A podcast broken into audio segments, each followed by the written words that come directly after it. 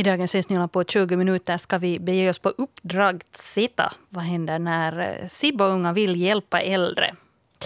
Vi ska också tala med några förstagångskandidater i riksdagsvalet, bland annat Mikaela Röman, om alla känslor kring att delta i ett val första gången. Så ska det också handla om markbränder. Nu ska man verkligen inte bränna ris. Jag heter Helena von Oftan. Välkommen. Nu ska vi träffa Uppdrag Z som smider goda planer för Sibboborna. Uppdrag Z är ett projekt som har skapats av bland annat Martaförbundet. Avsikten är att stärka ungdomars självförtroende och att ge dem verktyg för vardagen. Och I svensk Finland genomförs fyra sådana här uppdrag under våren. Mikael Kokkola var på plats då Uppdrag Z satt igång i Nickby. Det är idé och planeringsmöte på gång här för Uppdrag Z kring ett ganska stort eh, bord här i köket på ungdomstjänsternas eh, kansli i Nickby. äh, sitter man nu och idéer för fullt. Och ganska roligt eh, idéande är det på gång. Den här gruppen kommer att träffas åtta gånger och den sjunde gången, ja då ska de vara med om att göra ett uppdrag och det är lite det nu som planeras här. Nikolas Pauser och, och John Sundström, nu har ni idéer här, ganska mycket tankar flög hit och dit. Hurdant möte var det? Ja, vi har haft tankar här på vad vi ska göra i den här sättkampanjen och det där får se hur det nu blir i framtiden och, och på det viset. Vi får se. Det här säger Nikolas. John, vad tycker du om ert första möte? Jag tycker nog själv att vårt första möte var nog, var nog riktigt bra. Vi, vi gjorde som sagt brainstorm man så får se hur, hur det blir. Det är inte, vi har inte, inte gjort något, något som sagt slagit in i burken som man säger. Men vi håller ännu på och funderar. Men det är en bra början åtminstone. På, åtminstone. Ja, ni kastar fram massor med tankar och, och idéer. Det såg ut som ett bra möte. Det var ett bra möte, ja, vad heter det. Vi fick nog mycket tankar och just äldreomsorgen så tror jag att, att det är en bra idé vad heter det, som kanske kommer att gå i kampanjen högsta prioritet kanske, men inte vet jag. Får se. Vad är det som gör att du vill vara med här? Nå, ja, vad som gjorde mig att vara här, det är för att jag gillar att hjälpa människor i överlagar.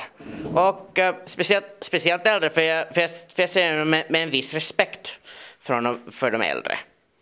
För de, för de äldre har mycket, har mycket, har mycket mer, hur ska jag säga, de vet mer än, än vad vi unga inte ännu vet. Hur är det med, med dig Nikolas, varför är du här? Ja, därför att uppsökande ungdomsarbetare Bodil då skrev, skrev åt mig eller berättade om den här och, och det där. Jag tänkte att jag kommer att titta vad det här går ut på, att, vad heter det, och vad idén är bakom det. Så därför är jag här. Så. Kommer du nästa gång? Då kommer jag väl nästa gång och se hur vi får planerna framåt vidare happening. Men som sagt som plan B, ja, om det är spöregn, man vet ju aldrig med våra somrar här att hur det ser ut. Man vet aldrig. Elisabeth Eriksson, ja, du är hushållsrådgivare, nu är du med här och lite drar den här uppdragssätt. Vad kom ni fram till nu? Ja, här, är, här har kommit många bra idéer och jag det ser ut som om det här själva uppdraget skulle börja luta mot eh, att göra någonting gott eller någonting trevligt för de äldre här i Sibbo. Ja, jag hörde sådana här lite växter och musik och laga mat och sådana tankar bollade ni med? Ja, det, det, det, verkar som om vi ska börja, börja göra kanske någon form av balkongodling och, och det där, här har kommit kastas fram om jordgubbar och här har kommit fram om musik och leverati och bingo och vad som helst. Vi får se nu vad det, vad det blir. Här kommer faktiskt en jättetrevlig grupp det här som kommer med många idéer och jag tror också att det här samarbetet blir jättebra för det är det som vi övar oss också på här och lite vem, vem som gör vad och vad blir den här, den här liksom ja, vad blir det? Så det var ett kreativt första möte, eller första träff? Verkligen, verkligen bra. att Vi är en liten grupp här men får se att vi, vi blir väl några till här ännu sen till nästa gång. Och, och det där, så att vi kommer ju att träffas alltså ja, sju gånger ännu. Så, så det, där, det blir nog säkert bra. under en träff, fyra timmar sitter ni här och, och är tillsammans. Vad allt händer? No, äh, kommer, no, no, idag, nu första gången så hade no, vi, vi, har, vi har ätit så här gemensamt morgonmål här, för jag vill ju förstås också få med de här vardagsfärdigheterna här. Vi kommer varje gång att, att göra, göra någon form av lunch eller brunch eller vad vi nu gör, att vi liksom får alltid något till liv så att säga. För att det är ju också förstås, jag som hushållsrådgivare tycker att det är helt jätteviktigt att tänka på de här måltidsrutinerna och sånt och, och att vi äter alltid någonting vettigt, så det, det kommer vi att göra. Men överlag liksom så här vardags, eh, vardagsfärdigheter är ju det som, det är ju en av av viktigaste eh, det där uppgifter att, att lära ut sånt. Så det kommer vi att göra här tillsammans i grupp och, och, och öva oss på att samarbeta och, och fördela uppgifter och liknande. Och sen så kommer vi nog, idag har vi faktiskt suttit ganska mycket men jag tror att det kommer att bli också att vi kommer lite ut sådär ut på byn och göra olika saker och just att i och med att vi hela tiden har, har det här uppdraget, uppdraget liksom i tankarna så, så planerar vi ju hela tiden och vi kommer säkert att måste gå lite på och rekognosera och, och sånt äh, och, och, vad vi allt ska göra. Ja, det här med att ha ett sånt här uppdrag, lite som en morotutmaning, det, det verkar spännande. Jag tror att det här kommer bli jättespännande och det är också för mig som handledare liksom att sitta på händerna lite och låta, och låta de här ungdomarna själv komma på och, och inte styra för mycket, så det är min utmaning. Det säger hushållsrådgivare Elisabeth Eriksson från Martaförbundet och vi hörde också Nikolas Poser och John Sundström. Att göra något helt nytt och att utsätta sig för kritik kan vara både nervöst och roligt. Vi har pratat med tre politiker som upplevde sitt första riksdagsval som kandidater nu i år. Eller överlag sa de att upplevelsen var positiv, men de stötte också på utmaningar. Vår reporter Rebecka Svedberg träffade Mikaela Röman från Sibbo som ställde upp för SFP. Lite för att tala om stämningarna efter riksdagsvalet. Jag gjorde ett sista eget evenemang på lördagen före alltså valdagen här i min egen by, alltså i Nickby. Och var naturligtvis ganska trött och, och känslorna är ju alltså på ytan, inte på grund av spänning inför valet men, men ju tröttare man är så, så desto vänligare en, en bekant eller obekant tittar på mig eller än bättre än så sa någonting gott så var det ju nog alltså väldigt nära att jag, jag skulle börja gråta varje gång. Det är besvärligt att vara liksom i, i, under, i valkampanj som känslomänniska. Men fast det nu låter som en kliché, alltså jag har lärt känna jättemånga nya människor, jättefina människor. Och alltså människor som, som redan nu har sagt att, att, att inför nästa val så, så kan du räkna med att jag liksom är liksom med i ditt team. Det var då val igår. Hur känns det nu idag? Alltså jag måste erkänna att jag är ganska trött. Jag, jag märkte det under den här sista veckan före valdagen att, att inte bara det här liksom fysiska, att stå ute i många timmar om dagen, utan också det här liksom psykiska, att, att, att det här liksom surret i huvudet pågick hela tiden. Det finns hela tiden någonting jag ska kunna göra, det finns, det finns saker jag funderar att, att, att borde vi ännu liksom göra det här före valdagen, att vad borde en göra, vad borde ännu göra. Så, så jag är nog väldigt trött. Jag har alltså suttit och följt med alltså rösträkningen ända tills så att säga de sista rösterna var, var räknade natten mellan söndag och måndag. Du är förstagångskandidat. Vad har nu dina upplevelser varit av det här? Ja, alltså med, med bakgrund som journalist har jag sagt det alltså hela tiden, allt efter det att jag blev liksom politiskt aktiv för två år sedan, att, att det är väldigt fascinerande att följa med allt från insidan som journalist så tror man ju att man vet hur det funkar på insidan. Har man en chans att komma in som förstagångs riksdagsvalskandidat? Absolut har man det och chansen är ju större om man, om man är känd. Alltså, och nu behöver det inte vara så här liksom TV eller, eller sociala medier kändis men, men är man etablerad så, så har man ju ett visst försprång och då det, det är liksom så inte mig att prata så här mycket om pengar. Men då behöver man till exempel inte köpa lika mycket utrymme i reklamform för alltså dyra pengar. För men är du inte känd så, så kostar det ju alltså otroligt mycket att köpa den här liksom delen av medvetenhet bland folket. Och jag menar det, var, det visar ju undersökningar nu också före alltså det här valet att, att det kostar åtminstone 100 000 euro för en, en förstagångskandidat att komma in som helt ny. Ja, det är en stora summor. Ja, alltså det måste jag inflicka liksom, i, i fråga om det. Och nu pratar jag inte om mig själv. Men om man nu tittar på Finland alltså som helhet så är det ganska få människor som har 100 000 euro att lägga på en reklamkampanj. Sen är det klart, det är ju inte fråga om egna pengar. Det, det är dels fråga om stöd, donationer och en del tar ju till och med alltså lån för att, att kunna göra en, en, en synlig kampanj. Men med det som oroar mig, och fortfarande att jag pratar inte om mig själv, är ju alltså att en, en hurdan form av representation har vi då, då liksom ett mandat kan kosta så mycket. Daniel Hannus från Lovisa han ställde upp för Socialdemokraterna och han säger att han eh, för det mesta har fått ett positivt mottagande av väljarna. Folk har velat komma och berätta vad de själv, de själv liksom vill ha och vad, vad som de tycker borde förbättras. Och det har in, inte varit så många som kommer att skälla upp inte. Det, det har mest, mest varit liksom just så här uppmuntrande och positivt. Har du som kandidat fått stå, stå ut för något slags motstånd? Nej, in, inte liksom just så här som man har varit så här face to face på torgen och så här, men det är nog sen mera, mera sociala medier så det är säkert lättare, lättare där att där hoppa på, trakassera och skälla ut när man inte behöver göra det så där med eget ansikte. Hur mycket har du fått stå ut för sånt då? Inte skulle jag nu säga att det är så mycket ändå. Nu kommer det ju ibland lite sådana underliga kommentarer som man kanske nu inte många gånger som man inte riktigt egentligen har brytt sig om. Det kan vara att det är något rykten om till exempel att partiet, partiet gör något, partiet vill förbjuda kött eller något sånt här och så någon har hört sådana här rykten så tycker de att det här är hela sanningen. Varför, varför står ni och ljuger här att så här är det ju, att ni, ni förbjuder köttet i Finland.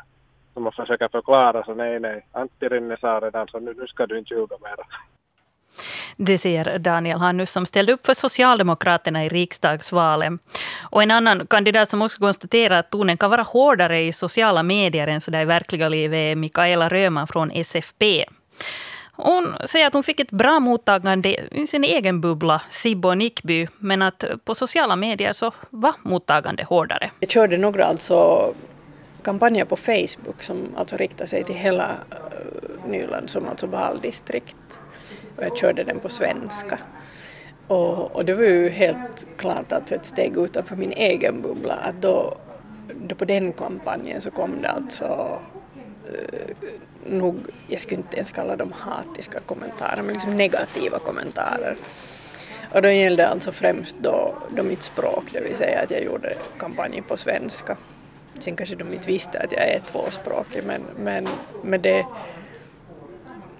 det hann de liksom inte ens ta ställning till utan de ville liksom bara kräkas över det faktum att jag täcktes prata svenska eller göra reklam alltså i deras flöden på svenska.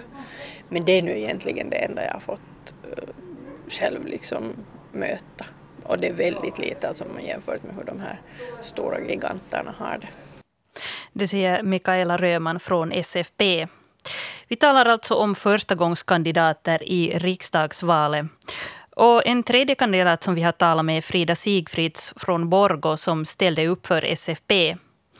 Hon tyckte det var roligt att göra kampanj. Det blev mycket tidiga morgnar och sena kvällar och mycket resande eftersom Nyland ju är en stor valkrets.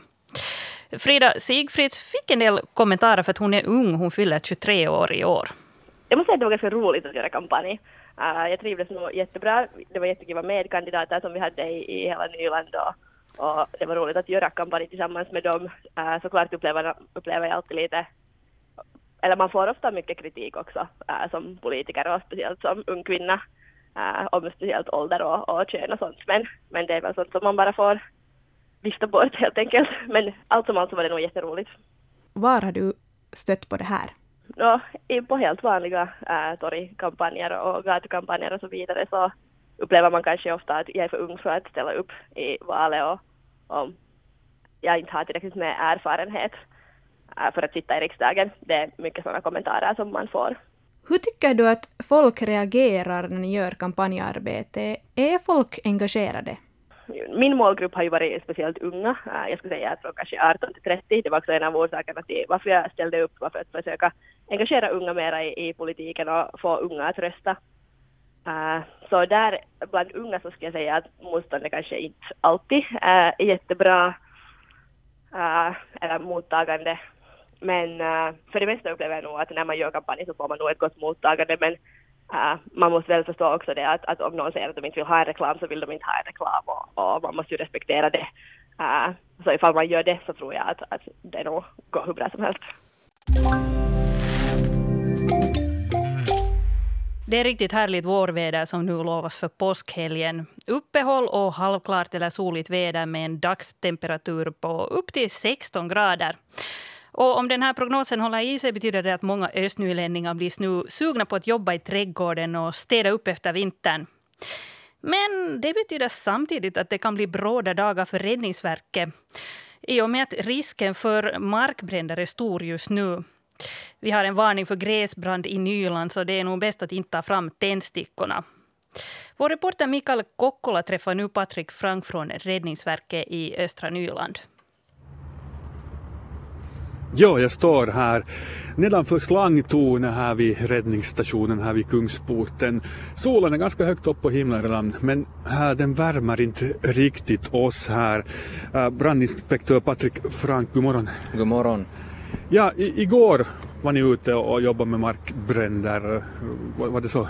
Ja, faktiskt i Vässö i Mörskom hade vi redan den här veckan det här gräsbränder. Uh, hur, hur stora var de här? De var nog ganska små. I april berättade du här för mig tidigare redan så ja, i Nyland hade, hade förekommit ganska många.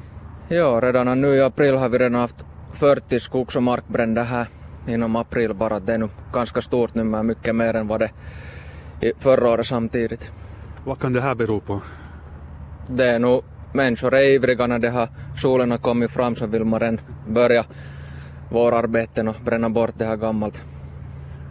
Så återkommande ja, dilemma, problem för er. I fjol minns jag också att det var massor med markbränder, omfattande sådana också. Ja, det var nog ganska tungt för Räddningsverket förra sommaren. Det var, det var jättemycket som man, brandmännen fick jobba med.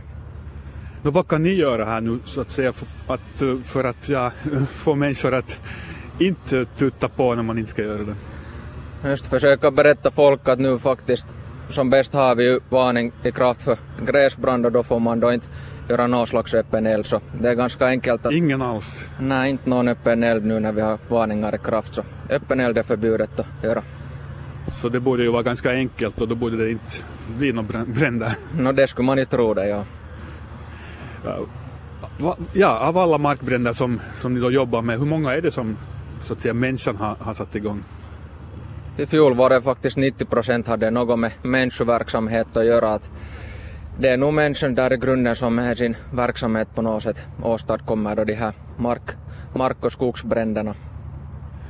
Nå, om olyckan är framme, hur ska man agera? Ringa 112, det är säkrast, så ska man göra. Kan man stå till svars sen för, för följderna? Nå, no, vi gör sen anmälan till polisen och sen de sköter om det att sen kan det bli straffräddningsförseelse sen kan man till och med bli dömd till böter sen i värsta fall. Så det gäller att vara försiktig? Ja, absolut, ja. Äh, vad tycker du själv så här? Är det klokt att man överhuvudtaget bränner kvistar och grenar? Man kan ju kanske göra sig av med dem på andra sätt.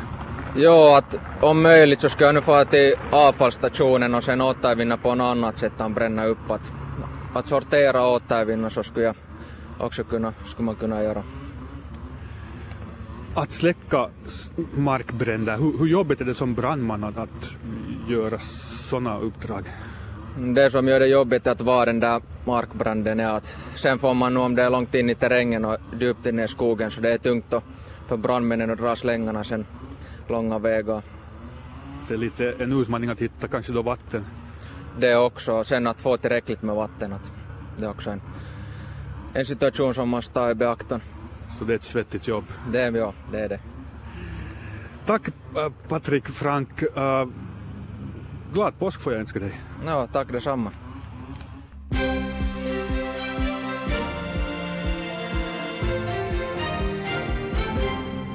Klockan är halv nio och det här är de östnyländska nyheterna. Mitt namn är Hedvig Sandell God skärtorsdagsmorgon vi börjar i Sibbo där utvecklingen av kommunen fortskrider. Inom de kommande åren ska tomter för både bostäder och service reserveras på området kring den kommande järnvägsstationen i Nickby.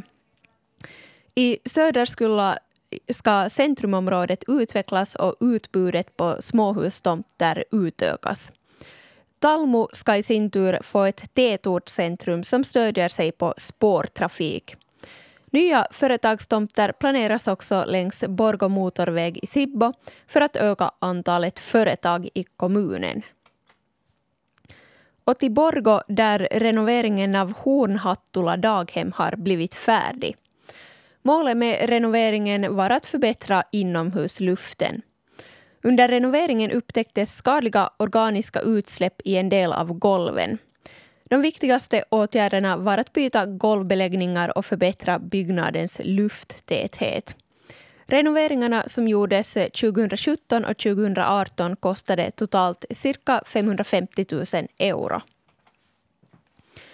Samarbetsförhandlingarna vid läkarcentralen Mehiläinen har nu avslutats. Det skriver tidningen Östnyland. Förhandlingarna ledde till nya arbetsbeskrivningar för en del av de anställda både i Borgo och på andra verksamhetsorter. Ingen sades ändå upp.